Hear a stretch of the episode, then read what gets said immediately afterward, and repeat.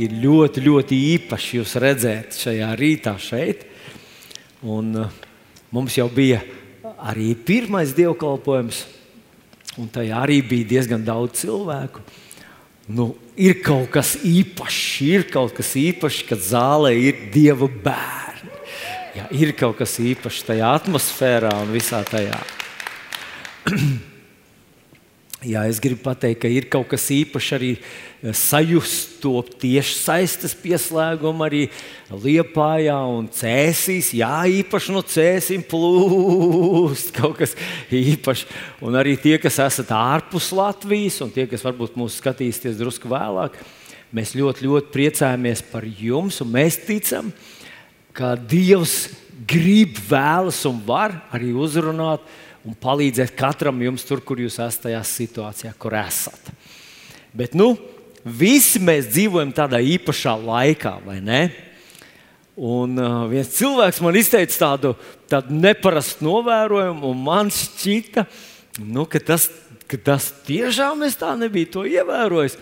Viņš teica, vai tu esi ievērojis, ka policija tagad evanģelizē? Un es teicu, kā tu to domā? Viņš jau redz vienu dienu, tad, kad vēl bija tā, no tā mājas sēde vai komendants stunda. Viņš teica, es eju pa ielu, pēkšņi man piebrauc policijas auto, izkāpa policists un jautā, kas tu esi un ko tu te dari. Un viņš teica, es aizdomājos, kāpēc man Dievs te ir nolicis un kāda ir mana misija šajā pasaulē. Viņš teica, vai tu vari iedomāties, kā Dievs darbojas caur dažādiem cilvēkiem?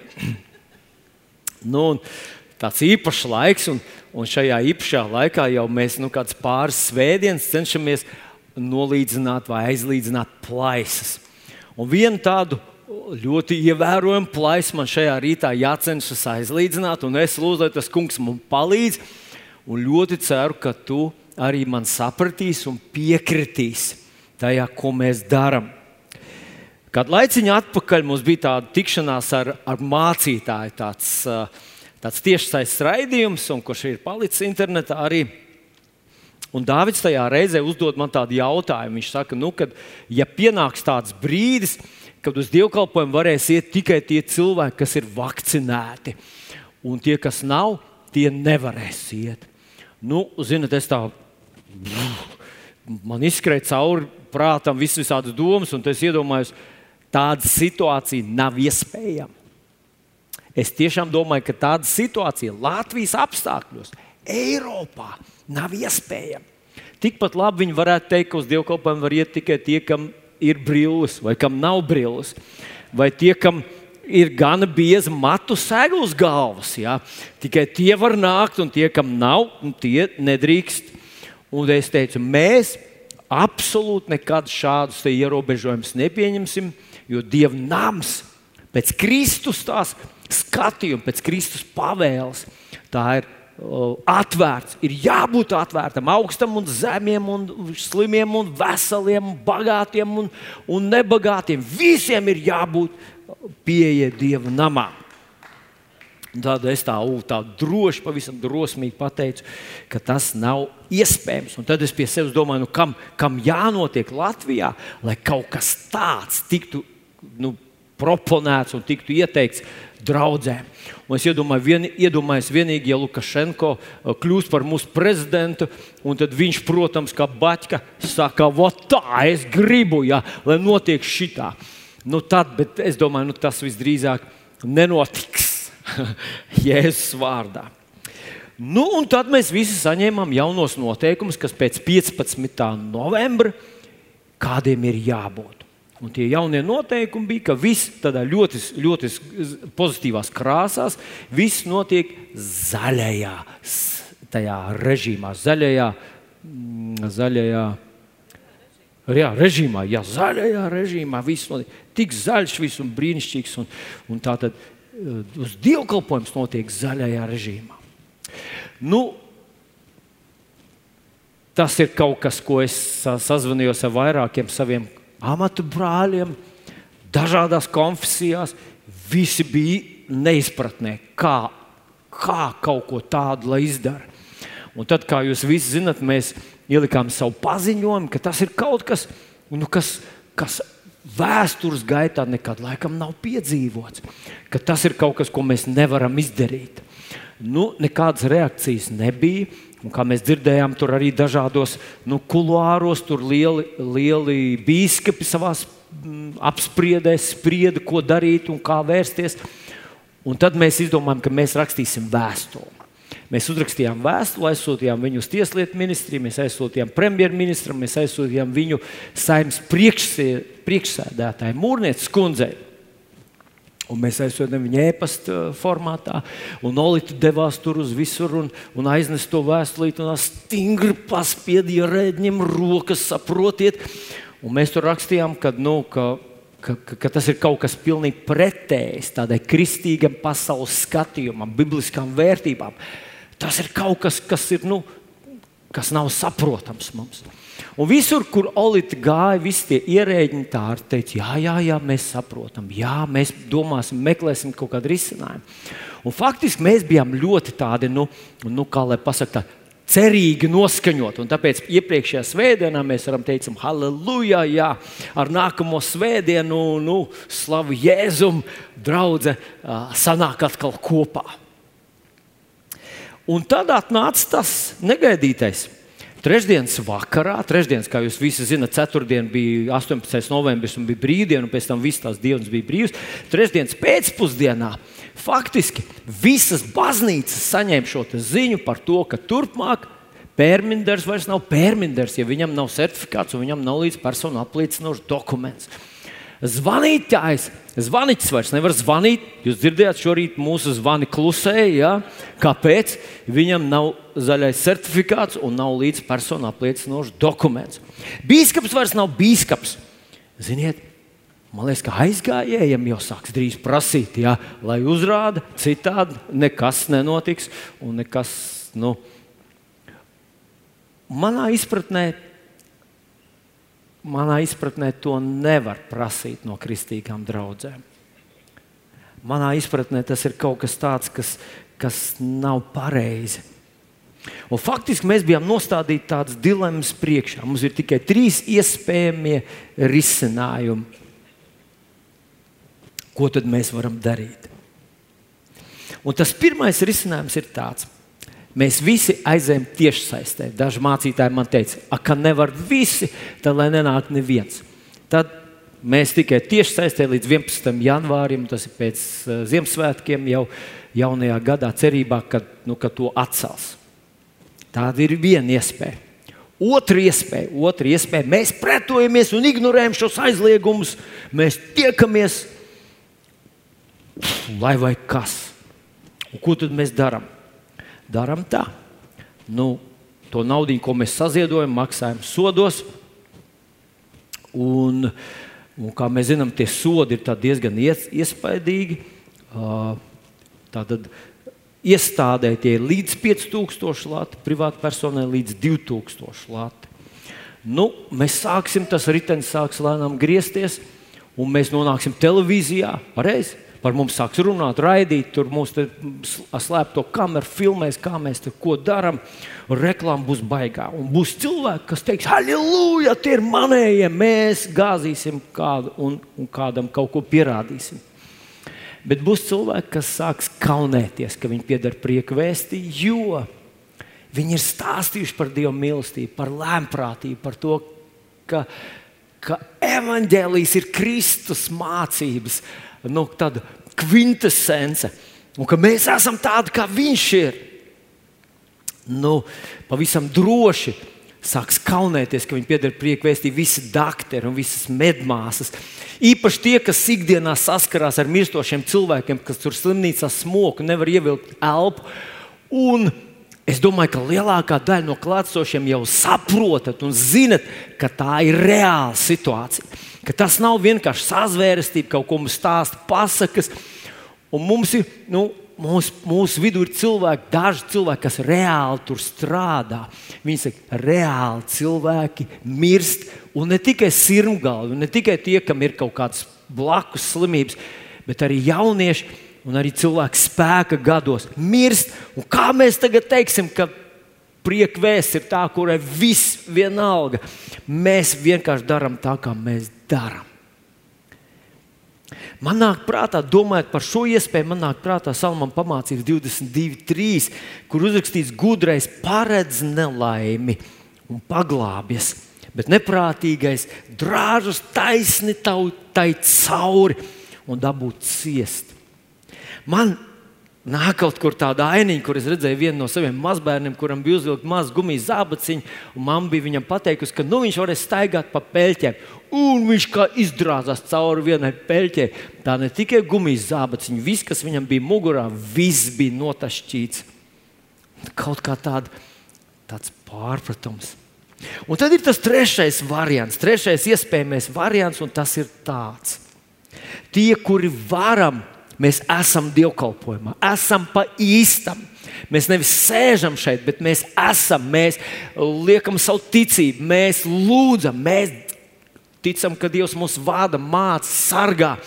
Un ka mēs reprezentējam arī tos, kas nevar šeit būt. Un tie, kas nevar šeit būt, tie ir tieši saistē. Bet mazajās grupās, sakarā ar visiem tiem ierobežojumu, uh, nu, uh, mērogiem ir iespēja sanākt mazās grupās. Lūkšanās ir iespēja sanākt. Mēs lūdzam un ticam un ceram, ka izturēsim līdz tam brīdim, līdz apstākļi mainīsies. Mēs izvēlējāmies trešo iespēju. Nu, jā, protams, ir cilvēki, kas teiks, ka, ka tas ka tas nav pareizi, ka vajadzēja vienkārši iespītēties, vajadzēja vienkārši lausties uz priekšu. Ir cilvēki, kas uzskata, ka tas viss, vis tas pasaulē šobrīd, kas notiek, tas ir mūsu dēļ. Lai mani apturētu, lai mūs ar tevi iznīcinātu, lai apstādinātu draudzes darbu. Un šajā sakarā, šajā rītā es gribu jums padalīties ar vienu citātu, kurš nav no Bībeles, bet manuprāt, ļoti precīzi izsaka to, nu, kāda tad šī situācija un šī pozīcija ir. Un tas ir Josefa Brodska citāts. Un tur uzrakstīja tādu vārdu. Es izlasīšu tieši tā, kā viņš rakstīja, vienkārši lai, nu, lai uh, tas ir viņa, viņa vārdi. Visos iespējamos veidos izvairieties no sev piedēvētā upura statusa lai arī cik nepatīkama būtu jūsu situācija, mēģiniet par to nevainot ārējos spēkus. Vēsturi, stāvokli, priekšniekus, rasi, vecākus, mēnesi fāzi, bērnību, nelaikā nolaišanos uz podu. Tajā brīdī, kad jūs kaut ko vainojat, jūs graujat savu apņēmību kaut ko mainīt. Manuprāt, ļoti precīzi un pareizi vārdi.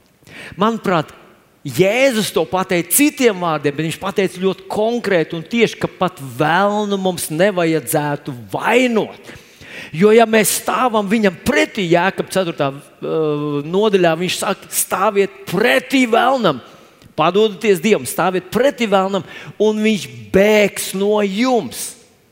Redziet, manuprāt, bibliskais koncepts par mums, kā Dieva bērniem, nav spēks tajā, ka mums neviens neko nevarēs nodarīt pāri. Jo mēs esam tik ļoti ietekmīgi, tik ļoti gudri, tik ļoti mēs spējam visiem atbildēt un visus atsist. Bet viņa bibliskais spēks ir tajā, ka Dievs mums palīdz, ka mēs esam Kristu Jēzu. Mēs visi atceramies 27. psalmu, kurš sākās ar vārdiem: Tas kungs ir mans gaišums un mana pestīšana. No kā man bīties? Tas kungs ir mans dzīves patvērums, no kā man bailoties. Un tad viņš turpina par dažādām sarežģītām situācijām, un vienmēr viņa atbild ir: Tas kungs! Es ticu, ka mēs šajā pasaulē esam stipri, esam neapstādināmi, esam neievainojami. Ne tāpēc, ka mēs kādu iesūdzēsim, mēs viņu atriepsimies, mēs, uh, mums ir asi zobi un cietas dūris, bet tāpēc, ka tas kungs ir mūsu aizstāvs un atriebējs par saviem bērniem. Man gribētos tajā palikt, un man ļoti negribētos, ka mēs kļūtu par tādām vajātām mazām žurciņām, kas ir iedzītas stūrī. Un nu, niknākais, ko mēs varam darīt, lekt pie rīkles tam tīģerim, kas mums uzbrūk. Nē, mēs esam Dieva bērni. Esam Dieva bērni, esam Dieva bērni. Un visos laikos viņš ir tas, kurš izved savus bērnus ārā no uguns cepļa, no lauva bedres. Viņš ir tas, kurš pacēla no cietuma un pacēla no dažādām lietām, no verdzības nama savu tautu. Pat no Ēģiptes mēs zinām, vienā dienā trīs miljoni cilvēku tika atpestīti. Dievs ir mūsu spēks un stiprums. Un tāpēc, mīļie draugi, ir tik svarīgi, ka mēs savus tos akcentus nepārbīdam un nepazaudējam. Šai rītā es gribu padalīties ar divām raksturvietiņām, pirms mēs lūdzam. Romiešu vēstulī 12. nodaļa, kur ir uzrakstīta tāda interesanta, ļoti interesanta vārda. Svētījiet tos, kas jūs vajā, svētījiet un nenolādiet. Priecājieties ar priecīgiem un raudiet ar tiem, kas raud. Tie, ziniet, lasot šos te tekstus, ir viegli viņu izlasīt. Svētījiet tos, kas jūs vajā, svētījiet un nenolādiet. Bet man ir nācies dzirdēt cilvēkus, kas saka, nu, kā jūs varat svētīt valdību. Tie ir tādi cilvēki, kā viņi uzdrošinās darīt tādas nepareizas lietas. Mums viņi, mēs viņus nedrīkstam svētīt. Šeit ir uzrakstīts tieši pretējais. Svētījiet tos, kas jūs vajā. Svētījiet, svētījiet un nenolādiet. Priecājieties ar priecīgiem, raudiet ar tiem, kas raud. Vai šodien ir cilvēki, kas raud? Jā, ir tādi cilvēki. Ir tādi cilvēki, kas ir iedzīti tādā, kā, tādā strupceļā, tādā kā slazdā. Es esmu runājis ar cilvēkiem, kuri uzskata, ka viņi saņēmuši no Dieva ļoti konkrētu atklāsmi, ka viņi šo vakcīnu pieņemt nedrīkst. Lai vai kas, lai vai kā, viņi nepieņem šo vakcīnu. Un, zinot, es gribētu Man nav tādu pilnvaru vienkārši ielausties viņa dvēselē un kaut ko teikt, ka tas viss ir aplam, tas viss ir nepareizi. Bet es gribētu lūgt par šiem cilvēkiem, kas tādā sirds vientiesībā un tādā sirds, sirds tādā atvērtībā un naivumā ir noticējuši, ka tas ir tieši tā. Man gribētos lūgt, lai Dievs viņus izved cauri, lai Dievs pasargā un palīdz, un es ticu, ka tas ir iespējams. Ziniet, mēs redzam, lasām tādu ļoti interesantu stāstu par apstulu Pāvilu, kad viņš stāv sinedriju priekšā, un viņš, viņš jau tagad ir kristietis. Viņš jau tagad ir aktīvs kristietības sludinātājs, un par to viņš ir sagūstīts, viņš ir važās. Un tad viņš izsaka tādu ļoti drosmīgu frāzi. Viņš saka, līdz šim es esmu dzīvojis pēc labākās sirdsapziņas. Un tad tas augstais priesteris saka viņam, mēs iepriekšējā svētdienā par to runājām, sitiet viņam pa seju. Jo viņam likās, ka nu, Pāvils zaimo. Bet ko tad faktiski Pāvils šeit saka? Faktiski viņš saka, es vienmēr esmu bijis godīgs. Es toreiz tā sapratu, un es toreiz tā rīkojos. Un kā mēs zinām, Dievs viņu atrada, uzrunāja viņu un palīdzēja viņam saprast. Un es ticu, ka Dievs var palīdzēt cilvēkam, kurš arī tādu, ar, ziniet, tādu, tādu nodevušamies, tādu asins liecinieku, gandrīz vai tādu attieksmi, iet uz saka, nu, es nezinu, ko viņi ar mani izdarīs, kas ar mani dzīvi notiks, bet es nevaru to izdarīt. Tad es viņam, es, es šodien gribētu pievienot, ja tu tas esi, ja tu tas esi, mīļais draugs, es gribētu pievienoties tavai ticībai un lūkšanai, ka Dievam ir durvis Viņam ir iespēja, viņam ir veids, kā palīdzēt tev, dot gudrību. Varbūt atvērt durvis, kuras nevienam citam neatvērsies, bet tu pa tām vari iziet cauri un tikt glābts šajā īpašajā laikā. Bet ir arī cilvēki, kuriem vienkārši ir kāds cits apsvērums. Un es runāju ar vienu cilvēku, kurš teica, ka viņš domā, ka viņa veselība ir tik ļoti trauslā situācijā, ka viņam šī vakcīna var nostrādāt ļoti negatīvi. Es šodien gribētu šiem cilvēkiem pievienoties lūgšanā un ticībā, ka Dievs var viņiem palīdzēt iziet cauri šai šaurajai vietai tā, ka tās iespējamās vaknī, vakcīnas postošās sekas nenostrādā, ka tās vienkārši neatstāja nekādu negatīvu uh, ietekmi uz šī cilvēka veselību. Man nācās dzirdēt vienu vācu misionāru, tādu sirmu misionāru, kurš ir pavadījis diezgan daudz gadus misijas dažādās vietās. Un tad viņš stāstīja tā, ka tad, kad dotos uz tiem tālajiem misijas vietām, viņam ir bijis jāpieņem vakcīnas, kuras viņš teica, par slimībām, par kurām viņš vispār nekad dzirdējis nebija. Lai es varētu tur aizbraukt, man bija jāsaņem šīs vakcīnas, no manis tās pieprasīja. Un viņš teica, Kunga, Jēzus vārdā es gāju un ļāvu savā ķermenī ielaist dažne dažādas vakcīnas. Kuras šeit dzīvojot Vācijā, mēs vispār nezinājām, un ar to nesaskārāmies. Un viņš teica, un es aizbraucu, un es kalpoju, un tās vakcīnas nostrādāja un pasargāja mani. Un pasargāja tos cilvēkus, kas nāca pie manis, kuriem es varēju kalpot. Un tad viņš izteica tādus sarkastiskus vārdus. Viņš teica, bet mums bija arī tādi, un tad piedodiet tie, kas uh, lūdzu nepārprotiet mani, es vienkārši citēju tā vīra vārdus. Viņš teica, bet atbrauc arī burgeru ēdāji, kas par visu to smējās. Un viņi ne tikai paši smagi saslim un nomira, viņi uh, inficēja visus tos vientiesīgos vietējos, kas atnāca pie viņiem uzticībā vienkārši dzirdēt par kungu Jēzu Kristu. Es zinu, ka tu neesi misionārs un tev nav jābrauc nekur tālu. Es to stāstīju tāpēc, ka vienkārši ir precedenti gadījumi, kad cilvēki to negribēja un viņiem to nevajadzēja.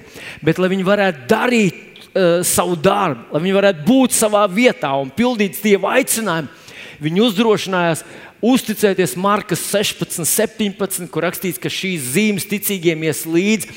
Manā vārdā tie uh, ļaunus garus izdzīs, jaunām mēlēm runās, tie ar rokām pacels čūskas, Un, kad tie dzers nāvīgas zāles, tad tās tiem nekaitēs. Es ticu, es ticu, ka Dievam ir gana spēka. Jo īpaši, jo īpaši ja tu to pieņem ar tādu dievbijīgu attieksmi, ar ticību, balstoties uz šī vārda, un mēs pievienot savu ticību tavai lūkšanai, lai Dievs tevi izved cauri un pasargā. Bet es gribu nobeigt ar vēl vienu raksturvietiņu, tā ir Romiešu vēstulītē 15. nodaļā, 4. pāns, Romiešiem 15.4. Jo viss, kas iepriekš rakstīts, rakstīts mūsu pamācībai, lai mēs izturīgi būdam bēdās un iepriecu smeldam rakstos, iegūtu cerību. Jā, tā pirmā lieta, nošķiet, ka norezonēja tavā dvēselītē, arī e, izturīgi būdam bēdās. Jā, Mēs neesam pieraduši. Un kad mēs ar Dāvidu toreiz runājam, es nestādījos priekšā. Kaut kā likās, ka tur kaut kur kara darbība ir saprotama. Tur kaut kur šauj, tas ir saprotami. Kaut kur tur ir zemestrīce, kaut kur tur ir bats, kaut kur tur ir bēgļi, kaut kur tur ir tik slikti, ka jauni vīrieši bēg no turienes un dodas tur dzīvot uz polijas robežas, augstumā un izmisumā, cerībā tikt kaut kur prom. Citiem vārdiem, kaut kur tur var būt kaut kas, bet ne jau šeit, Latvijā. Te visam jābūt labi. Te visam jābūt lieliski, un mums nedrīkst ierobežot neko. Kā mēs visi zinām, ir bijuši laiki, kad bijuši mob, m, uh, totāls mobilizācijas, kad visus sauc dienestā, un ne vienkārši, lai tu divus gadus nodienētu. Es esmu bijis pakļauts tādam vispārējai mobilizācijai, kad tevi iesauc, un tev puikiņš, kurš neko daudz nesaprot un nemāk, tev aizsūta prom uz pasaules otru galu, un tu dzīvo tādā vidē, kas ļoti tuva cietuma tai, tai visai tai izkārtojumam. Ko darīja mani vecāki? Viņi neprotestēja, nedumpojās. Mēs visi pielūdzam Dievu. Dievs, tu kas vari, tu kas spēj, izvad cauri savu kalpu.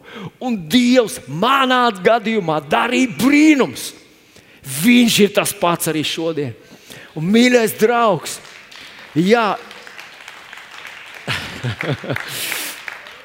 Jā, izturīgi būdam bēdās, bet ar to tas nebeidzās. Tur rakstīts, iepriecu smeldam rakstos, iegūtu cerību.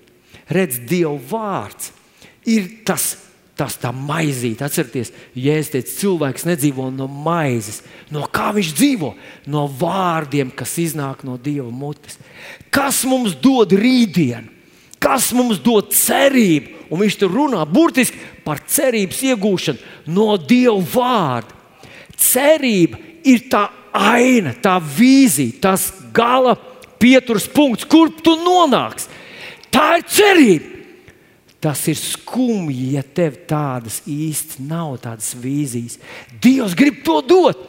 Un visdrošākā cerība, vai visdrošākā vīzija tavai un manai dzīvei, mums kā draudzēji un kā tautai, ir tā, kas ir paņemta no Dieva vārda. Romiešiem 8,24 rakstīts, jo cerībā jūs esat pestīti. Cilvēks, kurš saņems no Dieva vārda cerību, to vīziju par savu nākotni, viņā tas piepildīsies. Tā bija Abrahama cerība par lielu tautu, par zemi un tā tālāk. Tā bija Jēkabam, Īzākam, tā bija Dāvidam, tā bija Pāvilam. Tāda ir jābūt arī mums ar tevi. Un tāpēc, mīļais draugs, Dievs mums iedeva divas raksturvietas. Šim laikam, Jēzus 60 no 1 līdz 5, un Jēzus 54 no 2 līdz 4 pantam. Un abos viņš saka, cēlies, nāk labs laiks, tas kungs tev paplašinās un pavairos. Uh, tur viņš saka, šis ir izplašanās un pavairošanās laiks 54.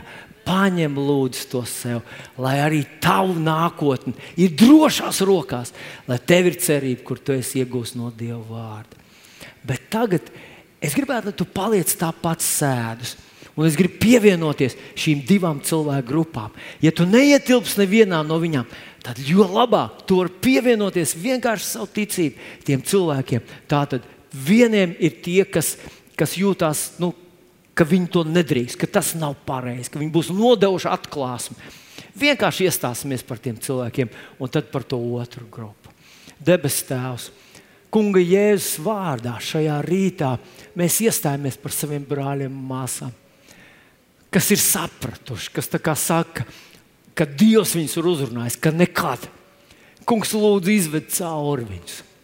Es ticu, ka tev ir līdzekļi, es ticu, ka tev ir spēks Es ticu, ka tavs elkons un tava roka var palīdzēt tavam dēlam un tavai meitiņai saprast. Un iziet cauri šai šaurai vietai, ka tu atver durvis, tu palīdzi, tu aptur laurīklas un izdēs ugunskarstumu, karstumu, un izved cauri savu dēlu un meitiņu. Kungs šai šaurai vietai.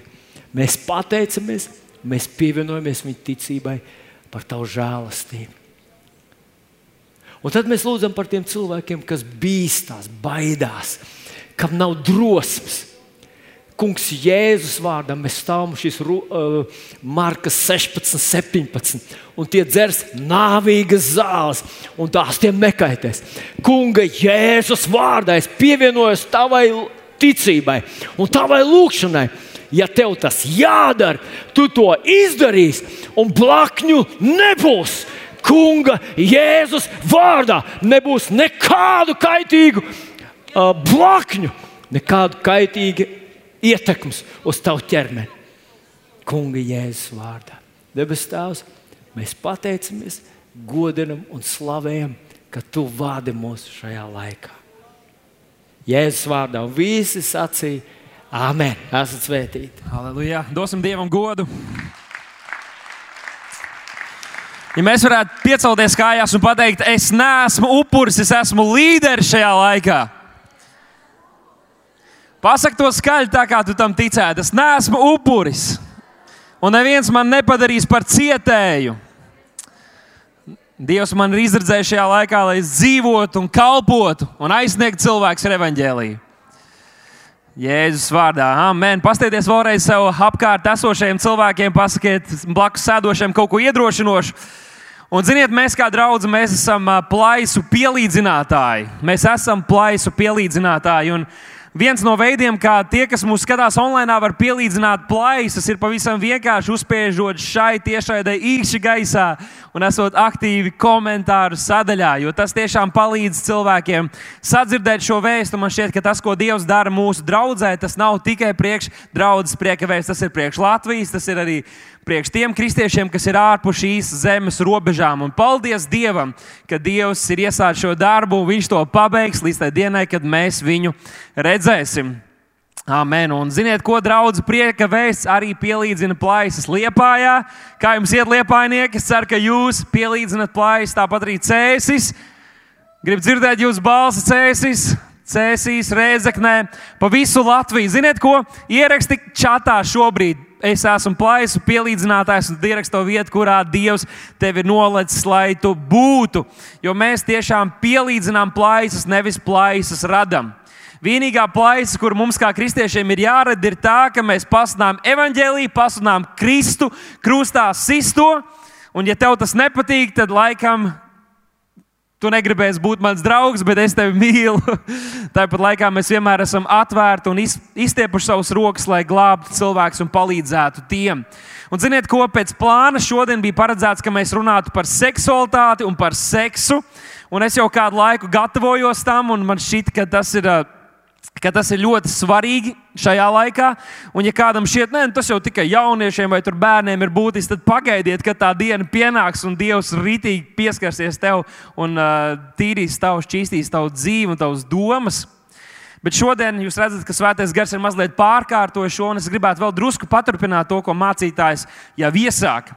Tāpēc iesākšu ar uh, tādu pamācību, kā mēs rīkojamies, kad mēs esam vajāti. Jo tādas dienas var pienākt, varbūt kādam jau šobrīd ir ir vajāšanas Kristus dēļ, ko tu piedzīvo, tad mums ir arī skaidrs rīcības plāns vai izvēles, kā mēs varam tādā situācijā rīkotās, rīkoties, kas ir pilnībā biblisks. Tāpēc lūdzu, pieraksti, ja tu saproti, ka drīzumā šīs vajāšanas var piemeklēt arī tevi, pieraksti, lai tu esi gatavs un sagatavots, kad tas notiksies.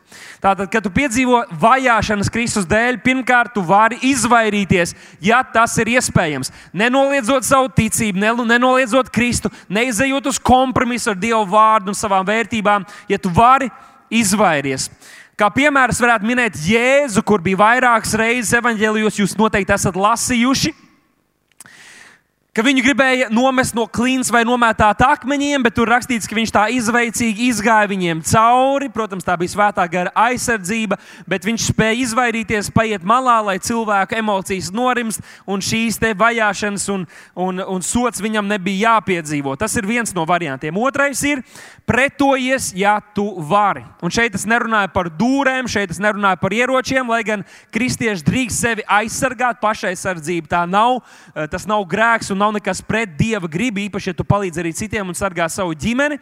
Bet šeit, kā piemērs, gribētu minēt Pāvilu, uz ko mācītājs jau arī norādīja, kad Pāvils tika šaustīts un sists ko darīja valdības pārstāvi, tad viņš izmantoja tā laika likumiskās viņa tiesības, kā ne tikai ebrejam, bet arī Romas pilsonim, un teica, hei, jums nemaz nav tiesību mani aizskart. Tātad viņš izmantoja tā laika likumus, lai pasargātu sevi no soda, kuru viņš izcieta, un vajāšanām, kuras viņš izcieta Kristus dēļ. Ja tas nav iespējams, beidz, ja tu to vari. Ja tas ir iespējams, Jēzus teica, ka jūs redzat, ka šīs vajāšanas ieņemās, pieņemās karstumā, tad beidziet no vienas pilsētas uz otru.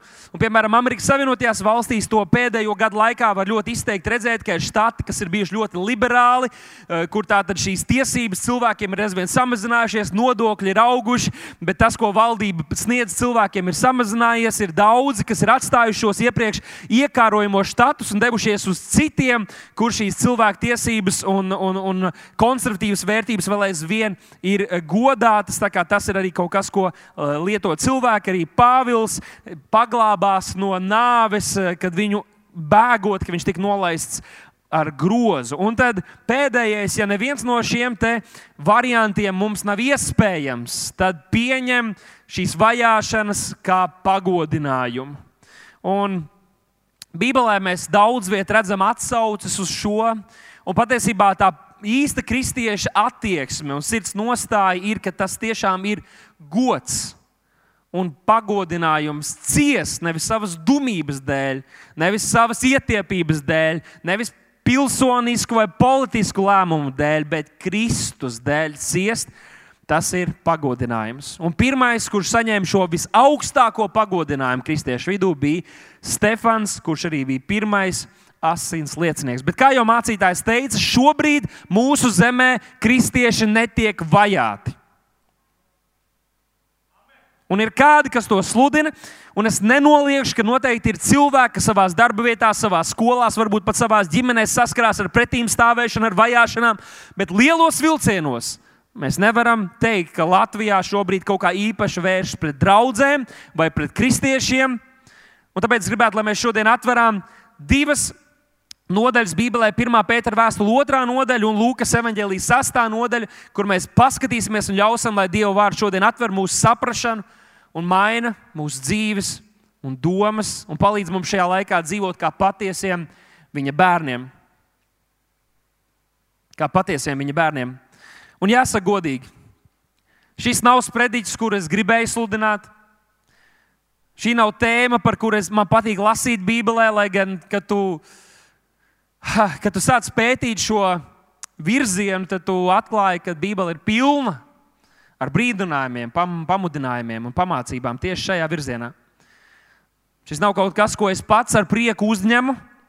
Man nākas arī pašam padoties Dievam un viņa gribai, viņa vārdam, pretēji tam, kā man šķiet cilvēcīgi vai pat kristīgi, taisnība, par taisnību cīnoties, es gribētu reaģēt. Jūs jau Ziniet, droši vien esat kādi gājuši uz kādām nodarbībām, treniņiem, vai sportā, vai cīņas veidā, vai, piemēram, tajā pašā skolā, un apmeklējuši kādas eh, nodarbības klases.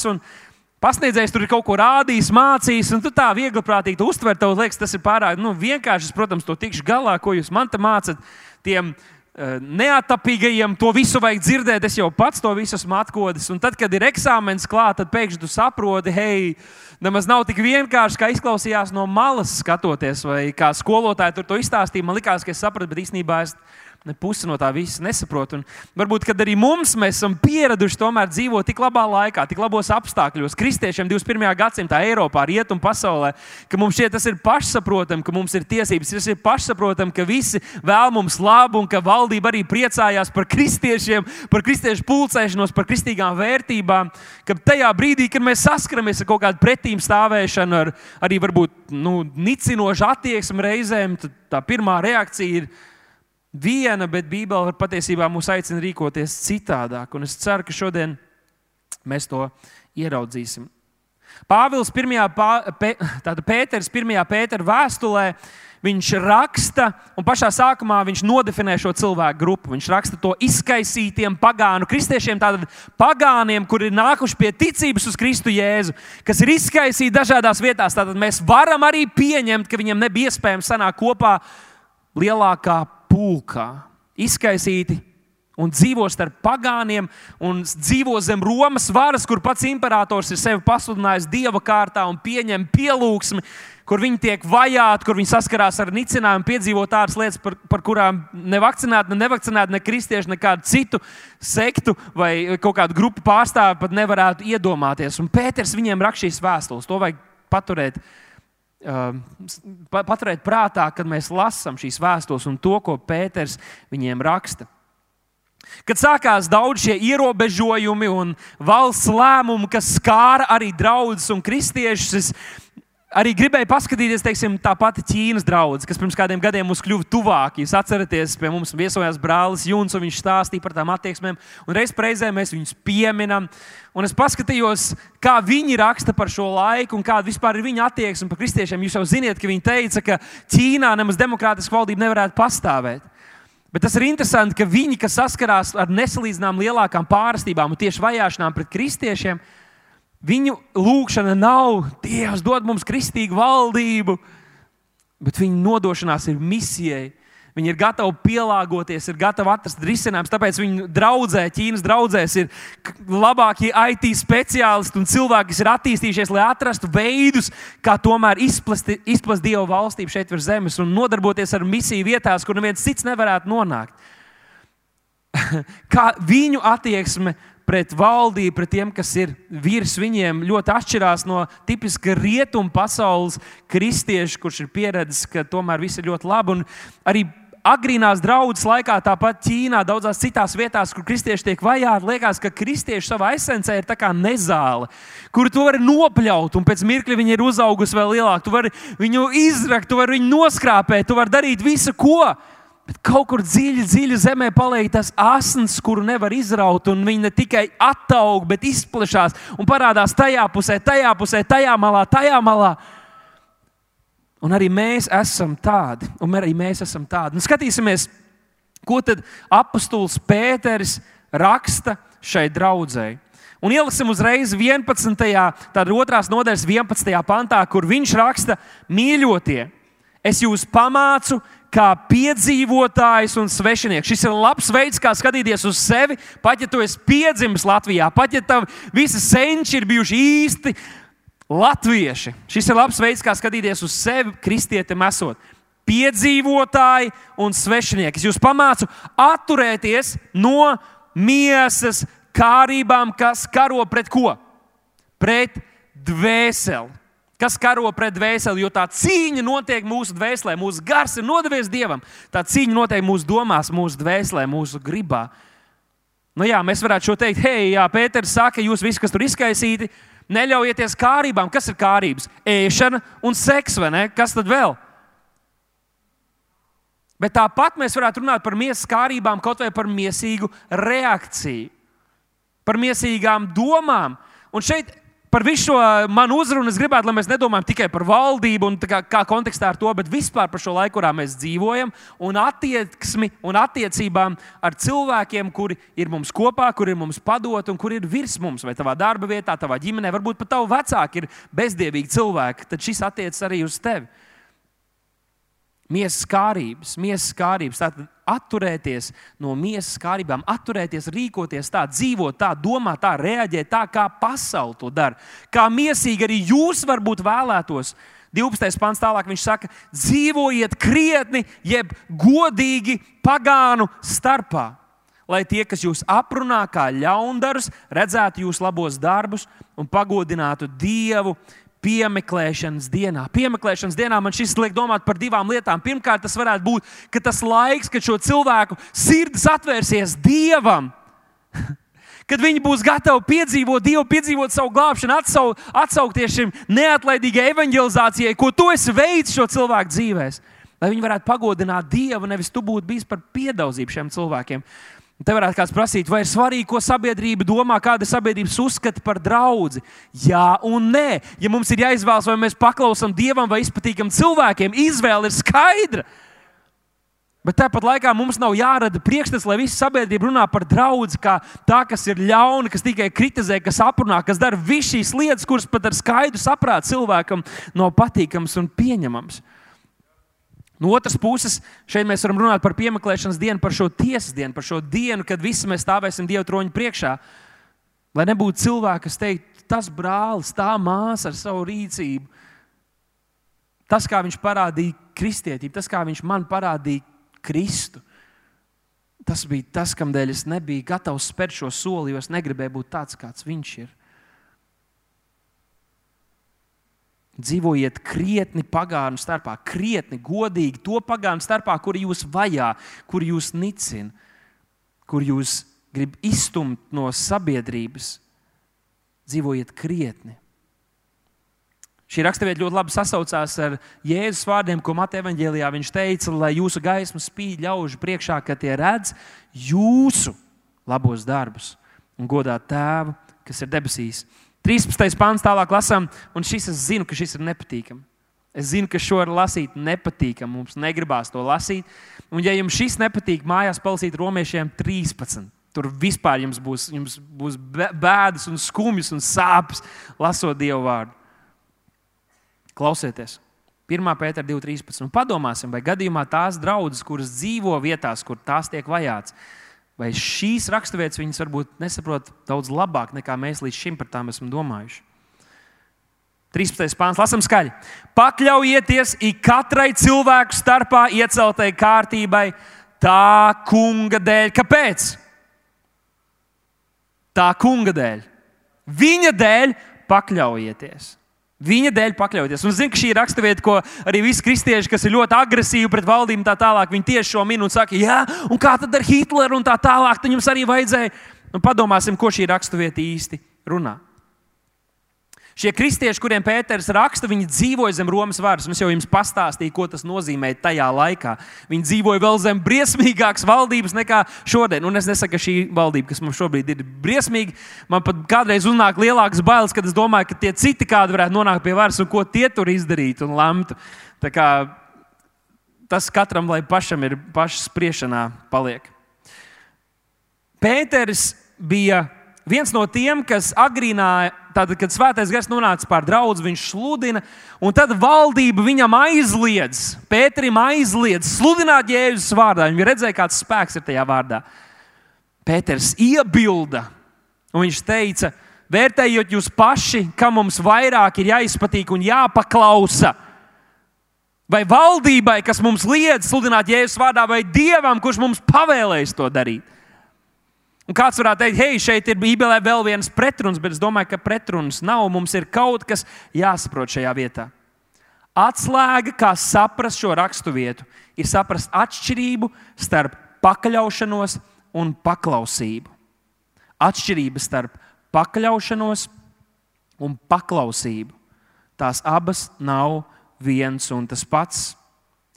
Pakļāvība ir attieksme, Paklausība savukārt ir rīcība, tas, ko mēs darām.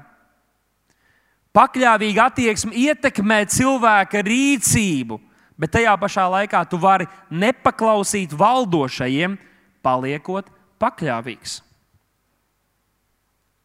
Atcerieties, mēs neesam upuri. Mēs neieņemam upura lomas. Nav tā, ka kāds mums briesmīgi dara pāri. Mēs, mēs tiksim galā, mēs esam līderi, mēs esam radīti šim laikam, un Dievs mūs pilnvaro.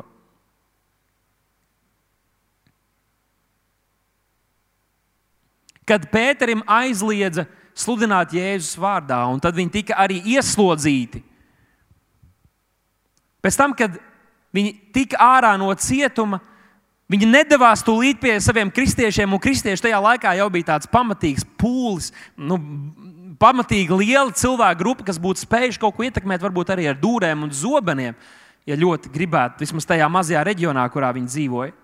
Bet Pēters un šie dievu vīri nedavās pie viņiem un nesāka rīkot apvērsumu valstī, um, nekritizēja šo politisko vadoņu rīcību, bet tā vietā Viņi sapulcējās kopā un lūdza Dievu par šo valnieku netaisno rīcību. Netaisno rīcību. Apstākļu darba 4. nodaļā, 29. pantā mēs lasām šo lūgšanu, kur iepriekš viņi stāsta Dievam, viņi saka to, kas notiek, un tu redzi to, kas šeit ir. Līdzīgi kā mēs kādreiz Dievs, tu redzi, kādreiz vajag izlikt savu sirdi, runājot ar cilvēkiem, bet labāk pastāst to Dievam. Viņš zina, bet ir labi, ka tu vari izskatīt savu sirdi. Un šeit, 29. pantā, viņi turpina šo lūgšanu, klausieties, ko viņi lūdz. Ir svarīgi, Latvijas kristieši, paklausieties, ko agrīnā draudzene lūdz, kad viņi sastopās ar vajāšanām, kad viņiem aizliedz sludināt Kristus vārdā. 29. pants. Tad, nu, kungs, skaties uz viņu draudiem un dod saviem kalpiem drosmi runāt tavu vārdu. Skaties uz viņu likumiem, skaties uz viņu draudiem, kas notiks, ja jūs darīsiet tā, kā Dievs jums ir pavēlējis. Un viņš saka, dod mums drosmi. Neko viņi nelūdz par valdību, lai viņi izmaina likumus un tā tālāk. Viņš saka, Dievs, dod mums drosmi palikt uzticamiem tavam vārdam. Klausieties, ko tālāk viņš lūdz. Dod drosmi taviem kalpiem, un tālāk viņš saka, savu roku izstiepdams, ka notiek dziedināšanas, un zīmes un brīnumi tavi svētā kalpa Jēzus vārdā. Ziniet, kas mūsdienu draudzē ir vajadzīgs? Mums ir vajadzīgs Dieva spēks. Mums vajag redzēt zīmes, brīnumus, dziedināšanas. Dieva valstību nevar ierobežot neviens likums, nekādi ierobežojumi, īslaicīgi vai ilglaicīgi. Dieva valstībai ir jāiet plašumā. Tāpēc mūsu lūgšana varētu savienoties ar šo agrīno kristiešu lūgšanu. Dievs dod mums drosmi un apstiprina savu vārdu līdzjošām zīmēm. Apstiprina savu vārdu līdzjošām zīmēm. Klausieties, kas notiek šīs lūkšanas rezultātā.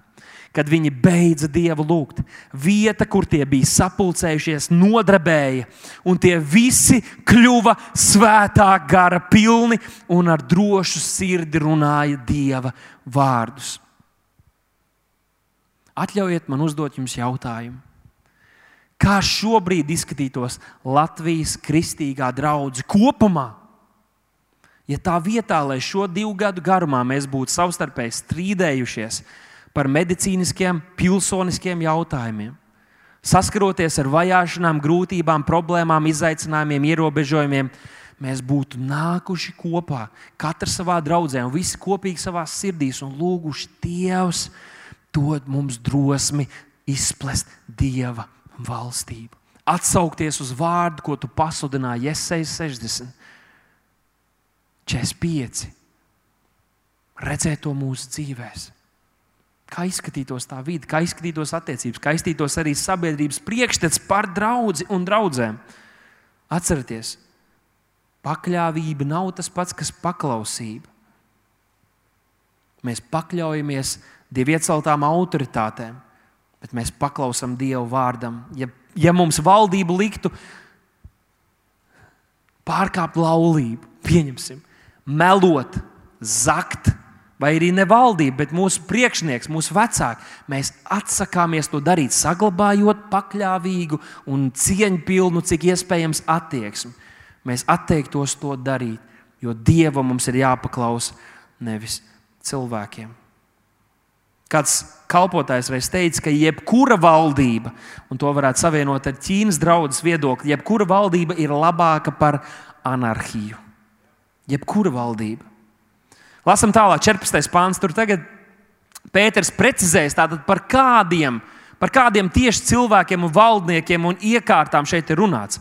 Viņš runā gan valdniekam, kas ir pār visiem, gan pārvaldniekiem, kā tādiem, kas viņus sūtītu, lai sodītu ļaundarus, bet atalgot tos, kas dara labu. Tātad šeit mēs redzam dieva nodomu, ka dievs izveido šo institūciju, kas ir valdības un varas. Dievs tās pilnvaroja darīt šo uzdevumu, ap, apbalvot dievbijību, sodīt ļaunumu, tos, kas dara ļaunu. Jā, bet kas notiek tad, kad viņi sāk lietot šīs varas un pilnvaras, lai rīkotos pretēji? Bībele brīdina, ka pēdējās dienās būs tā, ka labu sauks par ļaunu un ļaunu sauks par labu. Tas var būt arī valdības līmenī. Ko mums tālāk darīt? Un es ticu, ka šī raksturvieta mums vēlāk arī sniegs atbildi. 15. pāns. Jo tāda ir Dieva griba, klausieties, Dieva griba, jā, saka, Dieva griba. Dieva griba, ka jūs labu darot, apklusinātu neprātīgu cilvēku nezināšanu. Huh. Neprātīgu, angļu valodā būtu teikts, muļķu nezināšanu. Ziniet, ka muļķi ir tie, kas neizprot dieva lietas, bibliskā izteiksmē, kas cilvēcīgi varbūt ir ļoti zinoši, bet šīs garīgās lietas neizprot. Tad šiem cilvēkiem, lai tie tiktu apklusināti, lai, lai, lai viņiem būtu cits, cita perspektīva lietām, lai tie iegūtu, mums ir jādara labu, labu darot.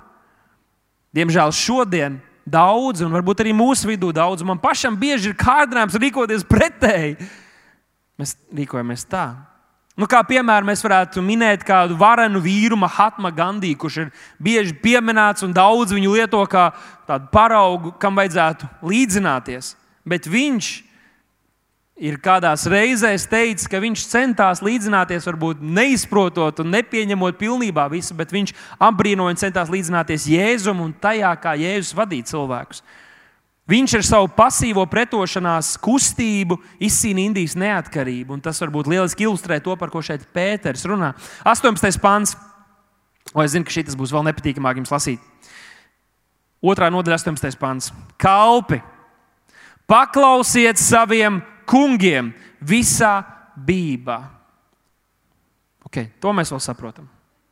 Nevien labajiem un lēnajiem, tādiem lēnprātīgiem, kas labi un maigi un jauki pret jums izturās, liek jums justies sabužinātiem un mīļiem, piemēram, tavs darba devējs vai pat mācītājs, mazās grupas vadītājs, bet arī ļaunajiem. Paklausiet, paklausiet. Kalpi, paklausiet saviem kungiem visā bībā. Un šeit jau mēs nonākam līdz vietai, kur jau ir drusku sāpīgāk pastīties mums uz mūsu dzīvēm. Jo tikmēr, kamēr valdība vai kāda, kas ir virs mums, runā lietas, liek mums darīt lietas, kuras mums patīk, kuras mēs saprotam, kuras mēs tik un tā paši darītu, mums liekas, hei, halleluja!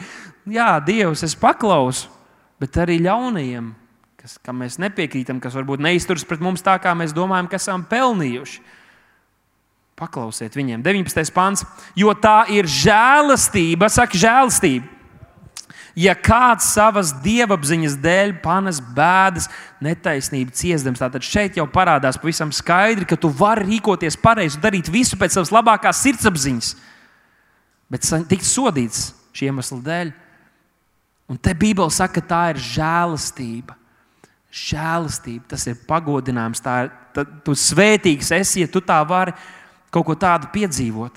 Šeit viņš saka, dēļ panes bēdas. Un es gribētu, lai mēs ieskatāmies tajā, kā Jēzus mācīja, kā mums būtu jāpanes bēdas, kā mums būtu jādzīvo šajā laikā. Un viņš to lieliski parādīja Kalnas prediķī, kur vēlāk viņš saka par skabargu un baļķi. Turpat tālāk viņš saka, ko jūs sakat, kungs, ja nedarat, ko es daru, ko es saku. Un tad viņš saka, Tie, kas mans vārds dzird un dara, tie līdzinām tādam cilvēkam, kas nedara, tie līdzinām tādam cilvēkam.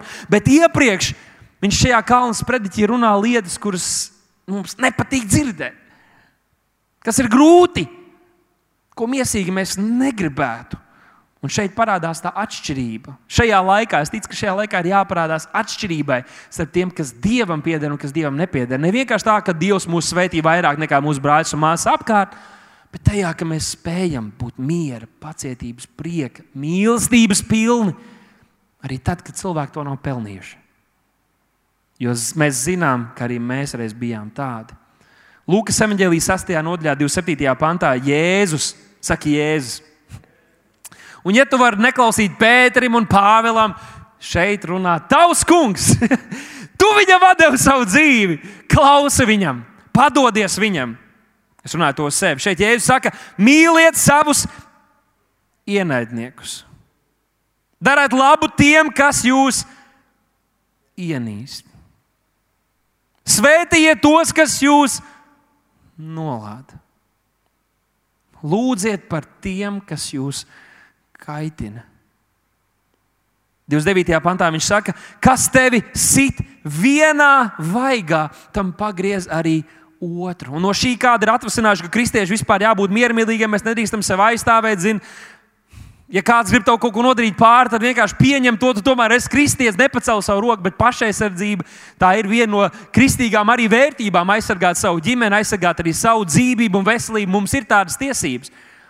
Bet šeit, šeit es ticu, ka Jēzus runā par to, ka mums nav jābūt ātrsirdīgiem, atriepties cilvēkiem. Ja mums, person, mums personīgi kaut kas tiek nodarīts, un mēs tūlīt skriesim un panāksim, ka viņam tas ir grūti. Es zinu, man pat sportā kādreiz zinu, tev mazliet grūti stiprāk pagrūst, uzreiz grib arī iet un atgrūst atpakaļ.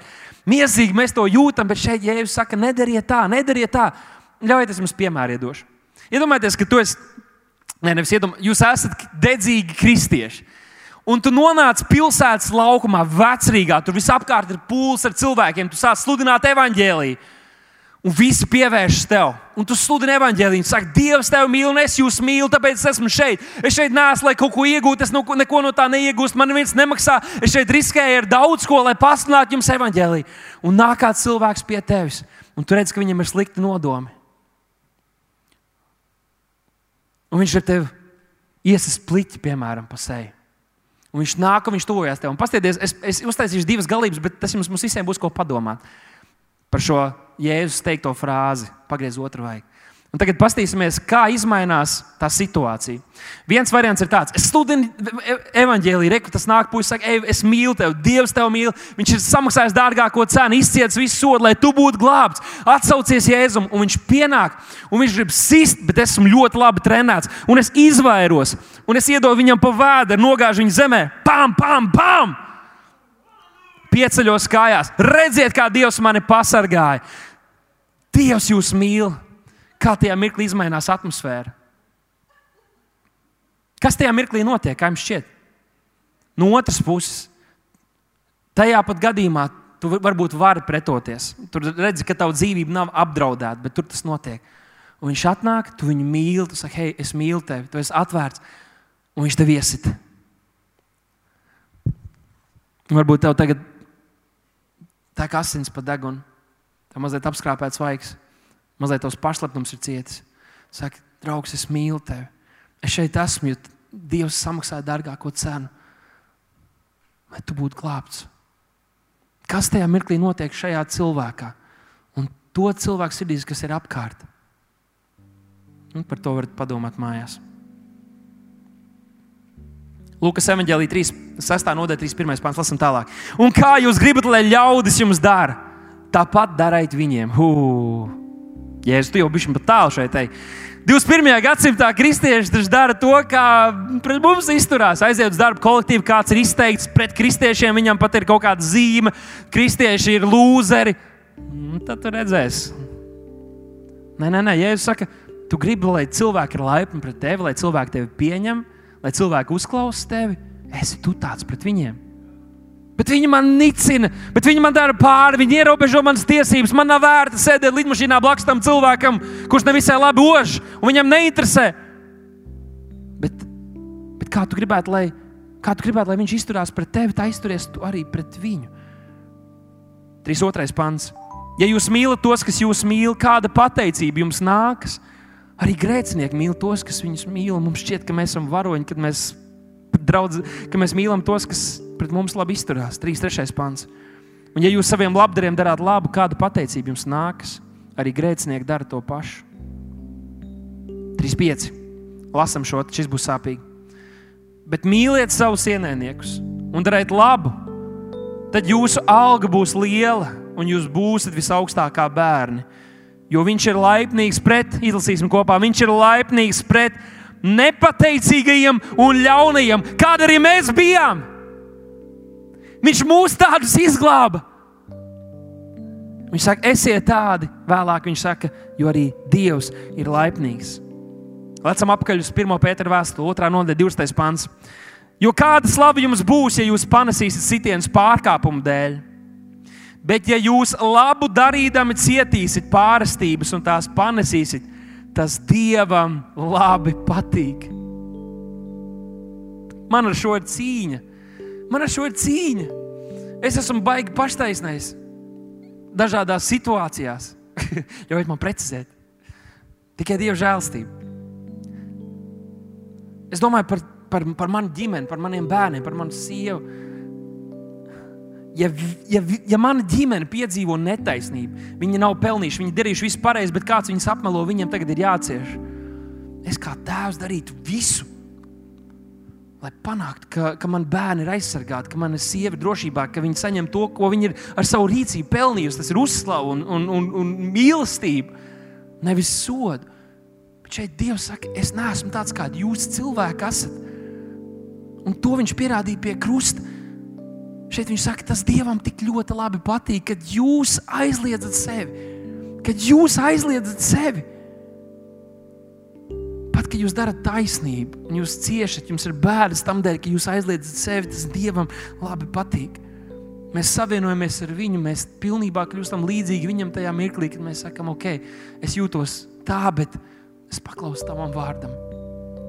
Es tavam vārdam paklausu un padodos. Un 21. pantā Pēters saka, jo uz to jūs esat aicināti. Uz ko? Uz ko mēs esam aicināti? Paciest. Paciest arī netaisnību. Tas nenozīmē, ka mums tā patīk, ka mēs to mīlam. Nē, mēs mīlam taisnību, mēs ienīstam netaisnību, bet, kad mēs to piedzīvojam, mēs to varam paciest. Jo arī Kristus ir cietis jūsu labā, jums atstādams priekšzīmi, piemēru, lai jūs viņam sekotu pa pēdām, lai jūs sekotu viņa pēdām. Hei, sekot viņa pēdām nenozīmē vienkārši, o, oh, jā, es lasu Bībeli un es lūdzu katru dienu, ko tu vēl no manis gribi? Es esmu draudzējis, katru reizi gan arī sēžu savā solā. Un reiz reizē kādam pasakā, ka Dievs viņu mīl. Nē, sakot viņam pa pēdām, šeit Pēters saka, hei, tas nozīmē arī aizliegt sevi. Pavisam reāli, pavisam praktiski. Tas nozīmē aizliegt savas mīsīgās reakcijas, un vēlmes un sajūtas un teikt, hei, es, es, es nespēju to cilvēcīgi saprast, bet es, Dievs palīdz man mīlēt tos, kas man ienīst, un lūgt par tiem. Un darīt labu tiem, kas man vēl ļaunu, kas man dara pāri. Es ticu, ka šis ir laiks, ka šis ir laiks, kad īpaši ir jāparādās un kad Dievs aktivizē visus gara dāvanas un gara augli savā draudzē kad svētā gara spēkam ir jāparādās mūsu vidū, kad mācekļošanai ir jānotiek tā, kā mēs to šo gadu laikā esam runājuši. 3M tas nav tikai par draugu, tas nav tikai nekad bijis par to, lai mēs visi atvedam savus draugus šeit, lai viņi sēž.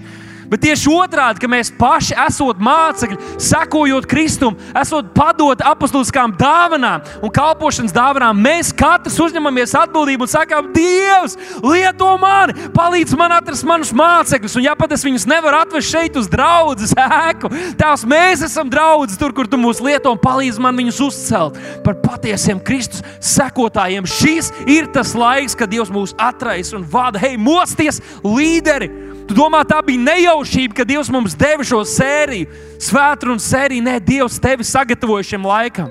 Lai mēs ieejam nu, jaunā svaidījumā, jaunā spēkā, šajā laikā, kur Dievs zināja, ka tas notiks. Dievs sagatavoja savu draugu, Dievs sagatavoja tevi, kur tu esi reģionos, kur tu esi kādās pilsētās. Dievs tevi sagatavoja, lai tu celtos un spīdētu šajā laikā. Un pirms mēs lūdzam, Domājot par šo vārdu, par šo laiku, šo gadu, nu jau gadu laikā, jāsaka, es esmu domājis, un man ir bijusi lūkšana par to, kas, kādā stāvoklī ir mūsu draugs un katrs no mums. Un kas notikt? Nu, iedomāsimies, ka noteikti pats, pats sliktākais, neiedomājamākais Un pie varas nāk cilvēki, kuri neieredz kristiešus, kuri aizliedz kristietību mūsu valstī, slēdz, atņem mūsu, mūsu draugu ēku, aizslēdz to ciet. YouTube, kur mēs daudz piedalāmies dievkalpojumos, WhatsApp, citas sociālo tīklu platformas, kur mēs visu laiku komunicējam un esam kontaktā, tas tiek pārauts. Viss tas ir pazudis, viss tas vairs nav.